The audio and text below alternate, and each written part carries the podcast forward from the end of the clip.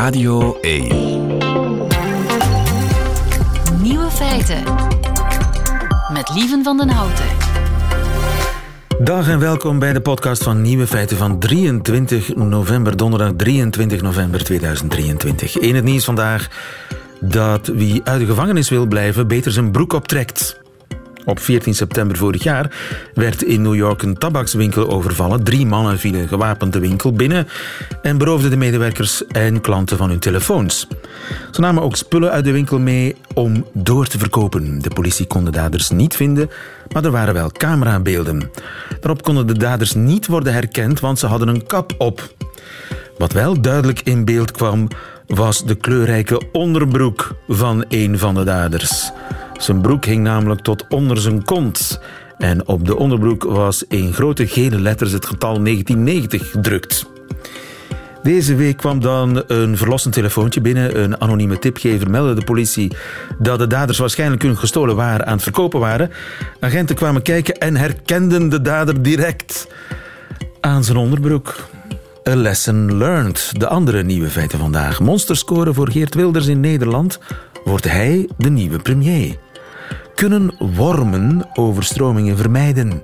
Misschien wel. En luisteraar Ivan heeft een knoop voor relatiedeskundige Rika Ponet. Hij wil namelijk dat zijn beste vriendin zijn vrouw wordt. Hugo Matthijssen die hoort u in zijn middagjournaal. Veel plezier. Geert Wilders, of Geert Milders, zoals hij tegenwoordig ook genoemd wordt, wordt hij de volgende premier van Nederland. De kiezer heeft gezegd, we zijn het zat, we zijn het spuugzat en wij willen. En daar gaan wij voor zorgen dat die Nederlander weer op één komt te staan. Hou elkaar nou even vast. Wij laten in Nederland niemand los. Voor ons valt de uitslag tegen. 2,5 miljoen mensen die nou op de PVV hebben uh, gestemd. En die kan en mag je echt niet negeren. Het voortouw ligt nu niet bij ons. We gaan niet praten over uh, moskeeën en Korans en islamitische scholen. We gaan praten over die agenda van hoop. Nederland zal en moet bestuurd worden. En daar zijn wij voor beschikbaar. Ik denk dat wij nu allemaal over onze schaduw heen moeten springen. Moeten kijken waar die overeenstemmingen inderdaad zijn. En dan vervolgens met elkaar zaken moeten doen. Want we moeten Nederland vooruit helpen. De democratie heeft gesproken. Nu breekt het uur aan dat wij de democratie gaan verdedigen.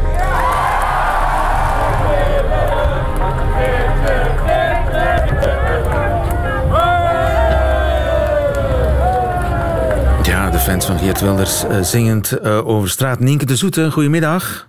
Goeiedag. Je bent uh, politiek journalist van Nieuwsuur in Nederland. Ja, verkiezingen gisteren met een onverwachte uitslag. 37 zetels intussen voor de radicaal-rechtse PVV van Geert Wilders. Met voorsprong de grootste partij. Dan pas komen PvdA GroenLinks met 25 zetels tegenover die 37 grote, grote ja, leegte, de gaap daartussen. En dan komt pas de VVD met 24 zetels. Jij was gisteren bij het hoofdkwartier van PvdA GroenLinks toen de eerste exit poll binnenkwam. Hoe werd daar gereageerd? Ja, toch wel met ontzetting. Hè? De uitslagen werden bekend. Ja, het eerste werd gezegd het enorme verlies van de VVD, hè? de liberale partij van nu nog uh, premier Mark Rutte. Nou, dat leidde tot gejuich bij links. Toen werden hè, zij ietsje groter, nog meer gejuich. Maar toen kwam de uitslag van de PVV. Ja, en toen werd het doodstil en vlogen mensen elkaar in de armen. Want ja, het gedachtegoed van de PVV dat staat haaks op het gedachtegoed van, uh, van links in Nederland. Dus dat was een, uh, een domper daar op deze avond, ja. ja. Ook verbijstering bij de VVD, waar het doodstil werd. Uh, hoe verklaar jij die monsterscore voor Wilders? Ja, hij is in dat gat gesprongen wat er al heel lang is in Nederland. Dat is sociaal-economisch links en cultureel rechts. En uh, de campagne ging over migratie. Ja, en dat is een, ja, zoals je dat dan noemt, daar is hij issue owner op. Daar, daar, daar, hè, hij strijdt al jaren voor een beperking van de migratie. Uh, in combinatie met uh, bestaanszekerheid, woningtekort en uh, in combinatie met dat hij dus gezegd heeft: ik ben bereid om mijn radicale standpunten in de ijskast te zetten. Daar gaat het me nu niet om, om mijn anti-islam agenda. Het gaat mij om de migratieagenda, Nederlanders weer voorop stellen. Ja, dat heeft heel veel mensen aangesproken. Ja, en nogthans, zijn concurrenten zeiden, maar hoe geloofwaardig is dat als jij je belangrijkste standpunten gewoon in de ijskast kunt zetten, zomaar? Nou ja, dat is de grote vraag. Uh, want kijk, over uh, onderhandelen in de formatie is één ding. Want daar kan je natuurlijk allemaal afspraken maken en die zwart op wit zetten. Maar wat verhouding neemt iemand vervolgens aan? Wat zegt hij? Uh, uh, hij heeft altijd gezegd: Ik ben tegen hoofddoekjes, al helemaal in het parlement. Hoe gaat hij zich opstellen tegen de nieuwe Kamerleden die een hoofddoekje dragen? Um, kan je daar afspraken over maken? En inderdaad, ja, al zou je die afspraken maken, uh, daar staat daar iemand waarvan je wel weet dat hij bepaalde dingen denkt. Ja. Nu, uh, er waren nog andere nieuwe partijen die zich op de ontevreden kiezer uh, hebben gericht. Pieter Omtzigt natuurlijk met zijn nieuwe partij Nieuw Sociaal Contract. De Boer-Burgerbeweging van Caroline van der Plas. Die twee hebben die ontevreden kiezer in mindere mate kunnen capteren, kunnen verleiden. Ja, in mindere mate, hoewel NSC met 20 zetels, dat is natuurlijk ook hè, voor een nieuwe partij een enorm hoge uitslag. Het is niet die uitslag die van tevoren voorspeld wordt. Want hè, de hele campagne hebben we eigenlijk vooral gekeken naar Pieter Omtzigt. Die werd op een gegeven moment gepeld op nou misschien wel 40 zetels. Dus eigenlijk was heel lang het idee dat hij de grote winnaar zou worden.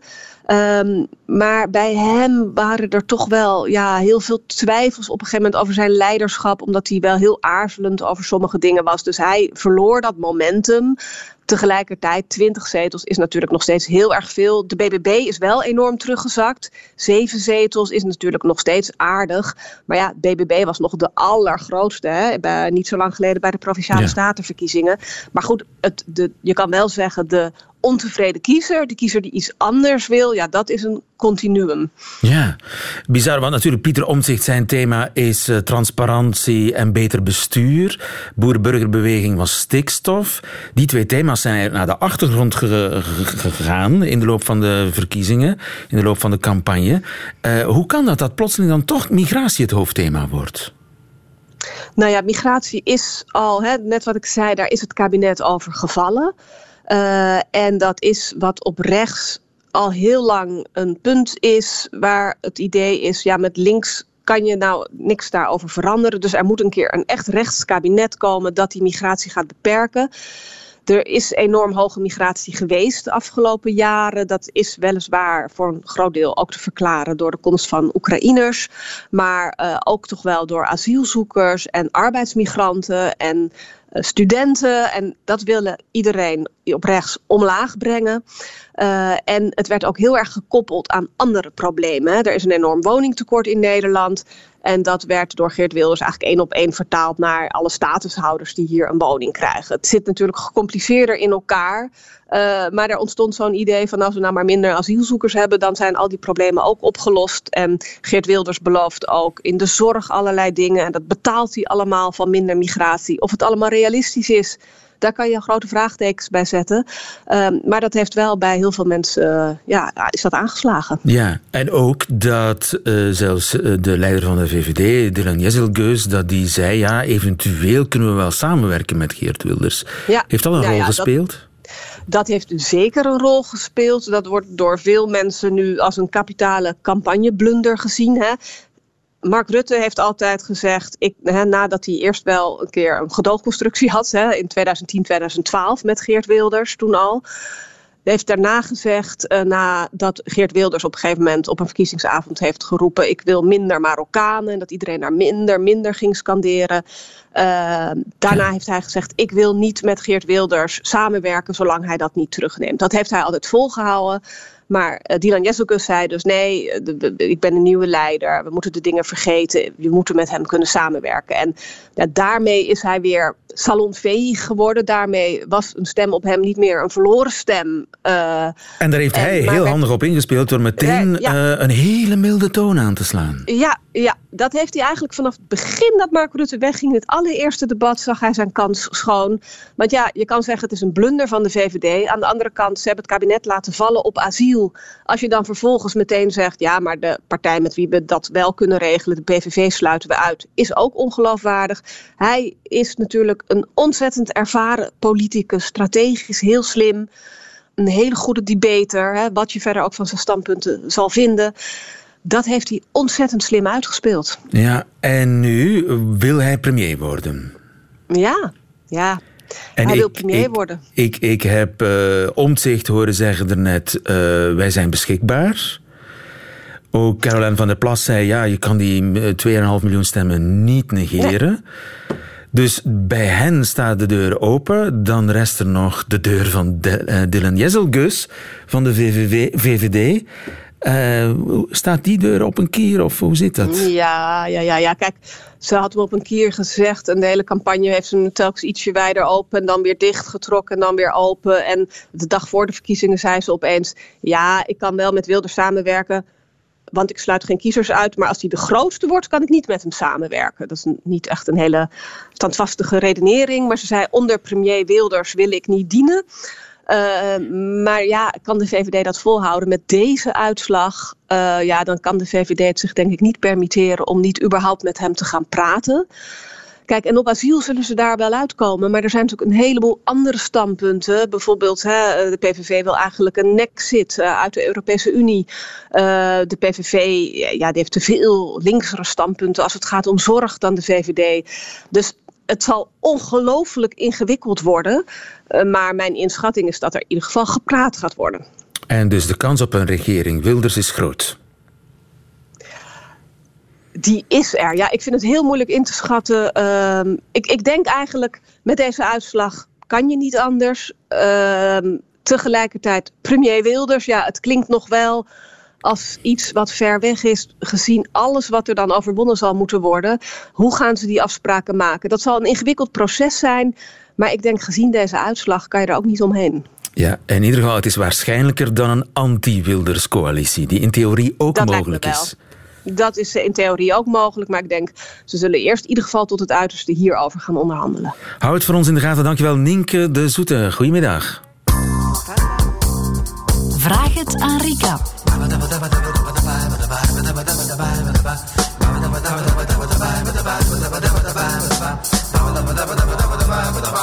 En we zijn weer donderdag en dat betekent dag Rika Ponet. Goedemiddag. Dag lieve. Onze relatiedeskundige. Ik heb heel veel post voor jou gekregen, Rika. Allemaal mensen met heel grote problemen, kleine problemen ook. Ja. In ieder geval problemen die jij moet oplossen.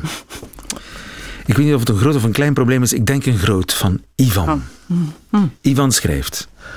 Al drie jaar heb ik een beste vriendin die me de laatste jaren enorm heeft bijgestaan bij mijn scheiding.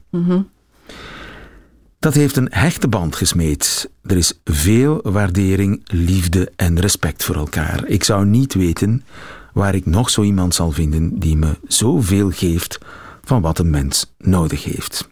Maar iets meer ziet zij niet zitten. Ze weet van zichzelf dat ze door trauma steeds aantrekt en afstoot en ze aanvaardt dit ook van zichzelf. Ze ziet zich ook wel functioneren in een open relatie, zodat de man soms nog op een ander kan gaan voor zijn biologische behoeften. Iets waar zij momenteel even rust in nodig heeft. Geen seks dus. Ja. Ja. Ik ben hier toch anders in, schrijft Ivan. Ik geloof toch dat ook voor haar een relatie met wederzijds respect, onvoorwaardelijke aanvaarding en liefde is weggelegd. En dat zo'n open relatie meer een manier is voor haar om zichzelf te beschermen, om het comfortabeler te maken. Ik ben meer iemand die alleen wil aantrekken. Zij wil me de ellende met haar besparen en vindt dat ik iemand beter verdien. Maar wil niet iedereen een trouwe liefdesband? Heeft zij gelijk dat dat voor haar niet is weggelegd? Ik zou denken dat ze iemand extreem loyaal nodig heeft, die geen schrik heeft van haar ambiguë hechtingsstijl en desondanks bij haar blijft, zodat ze kan groeien in vertrouwen en liefde en dat er een mogelijkheid is dat zij op deze manier kan helen van haar trauma. Zij zegt dat ze me uiteindelijk na een tijd toch zou afstoten en wil me dat besparen. Beste Rika, wie heeft er gelijk? En ben ik te naïef dat ik hoop dat er ooit toch meer zou kunnen zijn tussen ons? Getekend Ivan. Ja. Ehm, Ja, is wel een, een- klinkt wel mooi en liefdevol. Hè? Dat vind ik. eh, maar. ehm, Iemand die extreem loyaal is, ja, dat heeft ze nodig. Iemand zoals ik. ja, En, dat, eh, en, dat, en ik, zichzelf in hij is de reddende, hij is de echte, hij ziet zichzelf als de ridder op het witte paard, die dat gekwetste vogeltje gaat redden. gaat redden. Ja, De redder. ja door, door het eh, ja, te, te overspoelen met liefde en, en aan, alleen aantrekken, zegt hij. Ja, Zit toch wel, zit toch wel iets in, nee? ja, eh, ja in theorie. Ja, dus eh, het klopt. Hè, als mensen hechtingstrauma's hebben, moeilijke dingen meedragen, eh, omwille van het feit ja, dat uw wieg ergens stond waar het niet zo fijn toeven was, of ehm, je hebt een aantal moeilijke relaties achter de rug, Ehm, dan klopt, eh, dat is effectief zo, dat het meest helende is eigenlijk liefde. Dat klinkt zo heel wollig, maar wij weten dat ook vanuit therapie, dat als mensen in een veilig hechtingsklimaat terechtkomen, waar er effectief validatie is, stabiliteit, in de aanwezigheid ook van de anderen, dat dat kan leiden tot een veel veiliger hechtingsstijl. Ja. En er kan echt voor zorgen dat mensen rust vinden en eh, zich wel goed voelen en niet meer in die patronen verzeild raken van aantrekken en verwerpen. Maar Maar, je moet met, twee, je moet met twee aan zo'n relatie willen beginnen. Dit is niet het verhaal. Hè. Wat hebben we hier? Ehm, een diepe vriendschapsband, hè, waar, waar ze allebei duidelijk eh, veel waardering voor hebben. En aan één kant iemand die iets meer wil. En aan de andere kant iemand die zegt, ja, weet je, ik wil wel evolueren richting misschien nog wat meer samen zijn, maar eh, voor het seksuele moet je op een ander gaan. Ja, dat is eigenlijk ook gewoon zeggen, het soulmateschap of de vriendschappelijke liefde, die eh, wil ik zeker valideren of verder vormgeven. maar dat wil hij niet. Hij Maar ziet zoiets niet zitten natuurlijk. Ik weet dat niet. Wat ik daar altijd bij heb, hè, lieven, dat is... Ik vind dat heel spijtig. Hè, dat we kijken naar een relatie zoals hij die nu omschrijft, waaruit blijkt dat zij zeker wel in staat is om eh, stabiliteit, liefde, warmte, aanwezigheid te bieden aan, aan iemand, dat we dat niet kunnen valideren voor wat het is.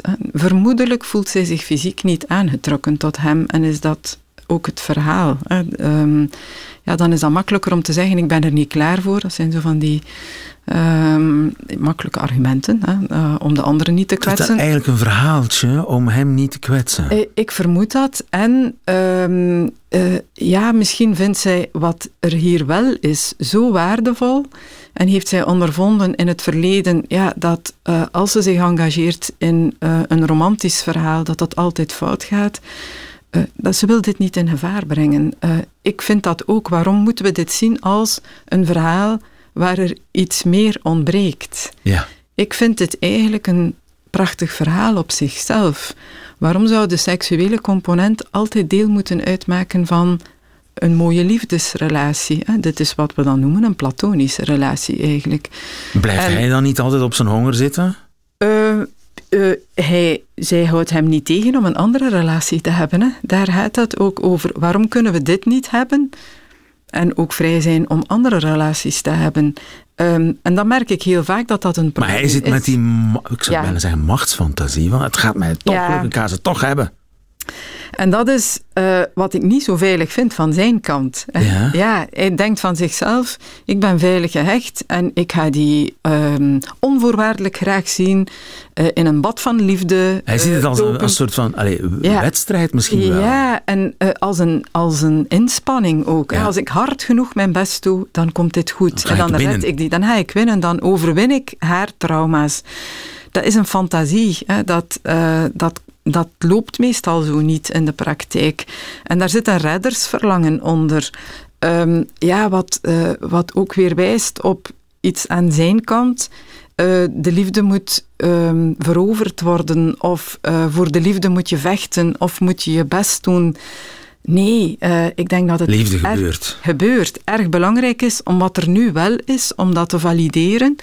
Bovendien ook is de bijgedachte. Eh, ik vermoed dat met al haar slechte ervaringen, dat wat zij nu aan hem heeft, dat dat eigenlijk de allerbeste versie is van zichzelf. Dat wat hij nu heeft met haar, dat ze dat met niemand anders heeft. En eh, net omdat die component er niet bij is, ze zich in alle veiligheid naar hem toe kan engageren. En dit is ook een gehechtheidsrelatie die ik als ja, zeer waardevol kan omschrijven. En um, ja, waarom... Concreet, wat gaan, wat gaan we nu aan, aan Ivan... Aanvaard wat zij zegt. Luister naar wat zij zegt. Zij zegt, ik zie dat niet zitten. Uh, dat is geen uitnodiging om wat zij niet ziet zitten, om dat om te keren of om haar te veranderen. Aanvaard dat dit het construct is. Dat dit hetgene is wat zij jou kan geven. En leg neer wat niet kan. In elke relatie zijn er tekorten. Dat is gewoon zo. En, ik vind en er is niet zoiets als een standaard relatie. Nee, dat, ook. Waarom moet dat allemaal in die ene maal... IKEA-pakket waar alles in zit. En, ja. Dit is uniek. Dit is heel mooi. En laat ons dit valideren. Ja, vind ik een hele belangrijke. Ivan, ik hoop dat we jouw helderheid hebben gebracht. Als er nog mensen zijn met vragen voor Rika, ze zijn zeer welkom op Nieuwe Feiten radio1.be. Dankjewel Rika en tot volgende week. Zeker.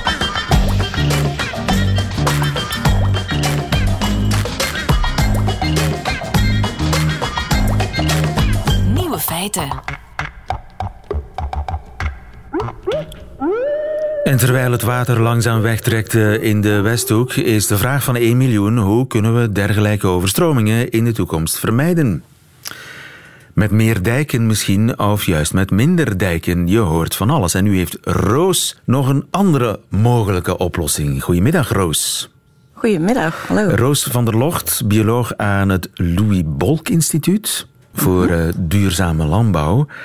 Wormen, Roos. Wormen? Ja, wormen. Hoe kunnen wormen overstromingen vermijden? Leg mij dat eens uit. Uh, nou, overstromingen vermijden is wel een... Uh, een grote ambitie. Een, een, grote ambitie, inderdaad. Uh, maar wormen kunnen wel degelijk helpen om de waterhuishouding van gaslanden te verbeteren. En om te zorgen dat piekbuien, dat die eigenlijk sneller de grond intrekken en uh, minder afstromen. Ja, maar met name graslanden. Met name graslanden, ja, want dat is een goede leefomgeving voor regenwormen. Daar is uh, veel te eten, daar is veel beschutting en uh, daar zitten ze dus graag. En gaat het om, om het even welke regenworm? Of moet het een speciale regenworm zijn? Nou, um, voor het uh, verbeteren van de waterhuishouding van graslanden is. Uh, nou ja, kijk, alle wormen dragen wel iets bij. Want alle wormen uh, doen iets aan het ommoelen van de bodem en het wat losser maken van de bodem en het achterlaten van gangen. Dus ze helpen allemaal. maar met name de. de grote blauwkopworm, of de, in de wetenschappelijke naam Lumbricus terrestris, die heeft wel een speciale rol. En heeft die een blauwe die kop? maakt namelijk. Nee, dat zou je denken. Hè? hij heeft eigenlijk een rode kop. Ja. en toch heet hij blauwkop. Juist. Ja. ja. Wie dat ooit verzonnen heeft, dat okay. uh, weet ik ook niet. En die kan iets speciaals. Wat kan die? Die uh, blauwkopworm met de rode kop? Ja, nou die wordt ook wel omschreven als de pendelende regenworm. En dat komt door zijn levenswijze. Um, hij maakt namelijk hele diepe verticale gangen.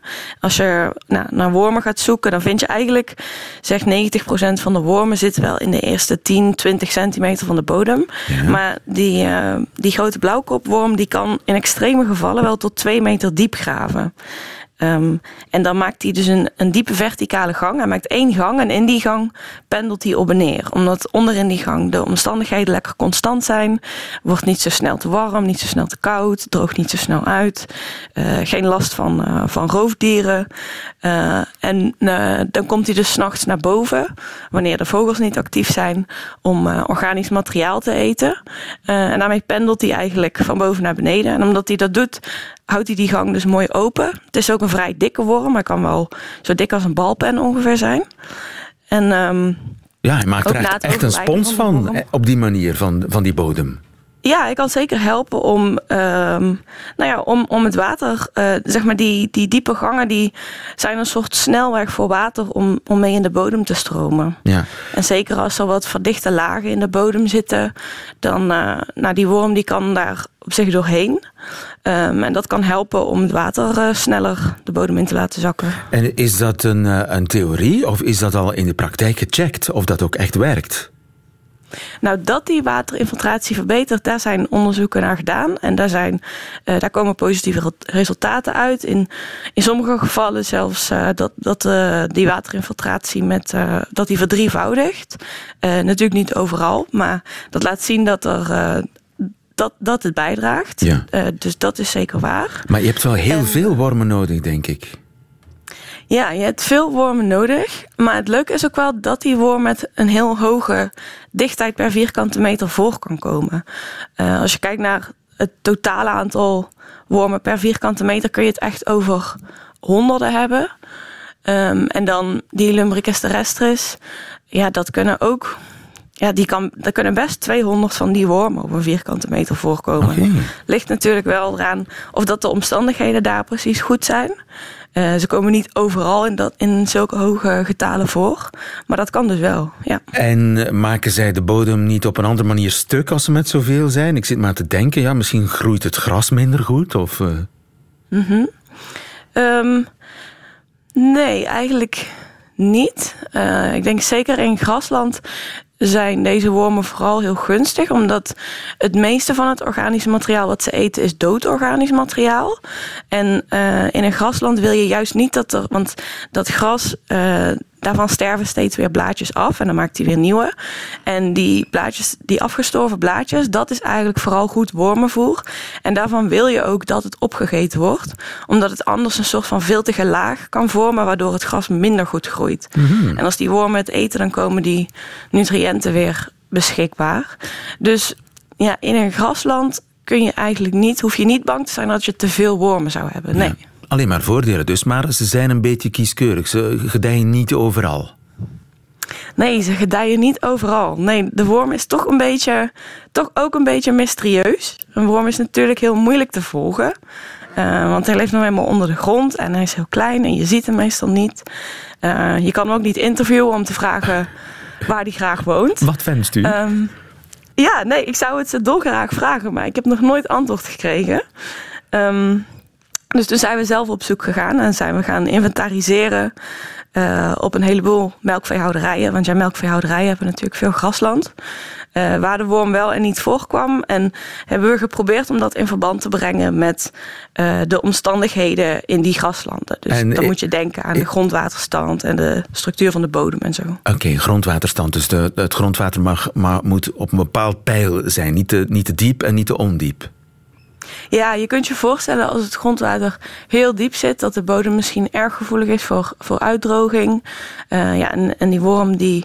Uh, wil natuurlijk niet uitdrogen, dat overleeft hij niet. Uh, maar als de grondwaterstand heel hoog is, dan kun je je voorstellen dat uh, de gangen snel onder water komen te staan. En als dat te lang gebeurt, uh, dat, ja, dat trekt hij ook niet. Ja. Dat overleeft hij. En dan de grondstructuur, dat is dan zand, leem, klei, dat soort dingen? Ja, precies. Ja, de samenstelling daarvan. Ja. En wat heeft hij nodig? Uh, nou, wat we gevonden hebben is dat we hebben die inventarisatie speciaal op zandgrond gedaan. Omdat zandgrond uh, toch wel gevoelig is voor zowel uitdroging als uh, afstroming. En omdat we in ieder geval in Nederland best wel veel melkveehouderij op zandgrond hebben. Um, dus dat was een interessant gebied. En toen zijn we erachter gekomen dat uh, de zandgronden waar het leemgehalte wat hoger was, dat die uh, in principe populair waren bij, uh, bij deze worm. Um, maar dat het dan weer niet in beton gegoten was. Want we hebben ook op een perceel met eigenlijk bijna puur zand, juist een bijzonder hoge dichtheid van deze wormen gevonden. Dus nog niet alle vragen zijn beantwoord wat dat betreft. Zou je ze kunnen uitzetten? Ergens in grote getalen in de hoop dat ze dan zich vermenigvuldigen? Ja, dat is een hele goede vraag. En dat is precies een vraag die wij uh, onszelf ook gesteld hebben. Um, en we hebben daartoe uh, een, een, proef gedaan. Waarbij we bij uh, twee melkveehouders eigenlijk grote, met een kraan grote stalen buizen in de grond hebben gebracht. En daar hebben we die grote blauwkopworm in uitgezet. En toen zijn we na zeven maanden teruggekomen om een deel van die buizen weer leeg te graven en alle grond uit te zoeken om de wormen te kunnen tellen. En na vijftien maanden hebben we dat weer gedaan. En toen hebben we ontdekt dat. Uh, ja, dat was heel spannend inderdaad. Want je ziet bovengronds natuurlijk. Ja, je ziet bovengronds wel wat sporen. Die wormen maken namelijk uh, een soort van hoopjes aan de ingang van hun wormengang. Dus je kan bovengronds wel enige activiteit waarnemen, maar je weet natuurlijk niet hoeveel het er zijn. Dus uh, na onze telling bleek dat na zeven maanden nog een derde van de wormen in de buis zat. en na 15 maanden helaas nog slechts 6 procent. Oei. Um, ja, dus niet een hele hoge overleving. Uh, dat is het slechte nieuws. Het goede nieuws is wel dat er dus wormen zijn die het overleven. Uh, dus dat het niet zo is. Ja, het is natuurlijk toch een vrij kwetsbaar dier in zekere zin. Uh, maar het is dus niet zo dat als je hem uitzet, dat ze meteen allemaal omkomen en zich geen raad weten in zo'n. Ja in zo'n grasland. Dus, en wat we ook gezien hebben, is dat er wel nakomelingen waren. Dat was wel een tweede generatie. Dus ze zijn wel ook in staat om. Ja, om nageslacht te produceren. Eenmaal uitgezet uh, produceren ze nog nageslacht. Alleen uh, is het nog niet helemaal 100% oké. want uh, ja, 6% na 15 maanden, dat is natuurlijk niet overdreven veel.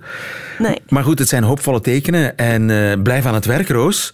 Roos van der Locht van het Louis Bolk Instituut onderzoekt of wormen de sponskwaliteit, de wateropsloopkwaliteit van de bodem kunnen, of die wormen die kwaliteit kunnen verbeteren. Mag je heel veel succes wensen, Roos. Tot de volgende. Ja, dankjewel. Radio 1. Nieuwe feiten. Ziezo, dat waren ze dan weer, de nieuwe feiten van donderdag 23 november 2023. Alleen nog die van Hugo Matthijssen, die krijgt u nu in zijn middagjournaal. Nieuwe feiten. Middagjournaal.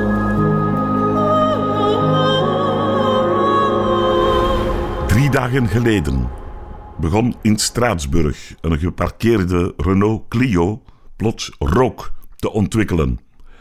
In het dak van de auto was een gat van een halve meter geslagen. Had men in de auto een verhakkelde parachutist aangetroffen, een zieke gier of een kindervriend, al dan niet met paard, dan was het eenvoudig geweest. Maar dat was niet het geval. Niemand wist wat er was gebeurd. Het was een raadsel. Het onderzoek werd in handen gegeven van de plaatselijke brandweer en de politie. Die troffen onder het voertuig wat grind aan, als ook een wikkel van een reep chocolade en de dop van een plastic flesje.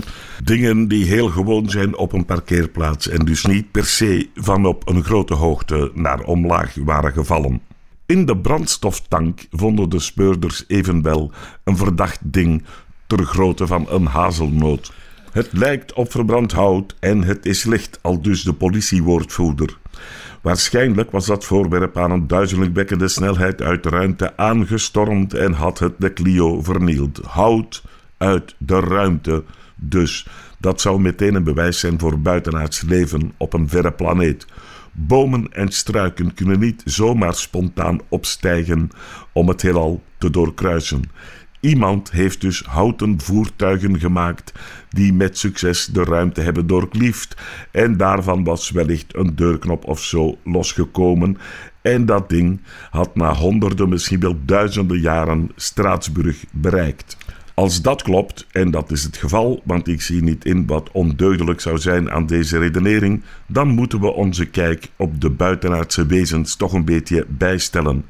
Het zijn geen schriele wezentjes met dunne armpjes, een veel te groot hoofd en een bleek uiterlijk. Het zijn verdomd goede schrijnwerkers en daar moet je spieren voor hebben. Ze zijn gebruind door de buitenlucht. Ze kennen het bos als hun broekzak gesteld dat ze kleren dragen, want het is theoretisch denkbaar dat ze over een flinke vacht beschikken. Maar een flinke vacht in de schrijnwerkerij, dat lijkt mij onwaarschijnlijk. Dat vraagt om ongelukken. Je zal maar met je pels in een schaaf- of zaagmachine terechtkomen. Zo'n behaarde beschaving is tot de ondergang gedoemd. Ze dragen dus kleren en ze vliegen rond in houten raketten. Wellicht voeden ze zich met schors, een bijproduct van hun activiteiten. Het is ook denkbaar dat ze extra poten hebben die eindigen op hamers en zagen. Maar dat valt dan weer moeilijk te rijmen met die kleding. Hoe lang gaat een jas mee als je telkens een arm met een zaag eraan door een mouw moet steken? Geen week. Nee, er zijn nog wat dingetjes onduidelijk, Het denkwerk van de brandweer en de politie van Straatsburg is nog niet voltooid, maar de oplossing is nabij.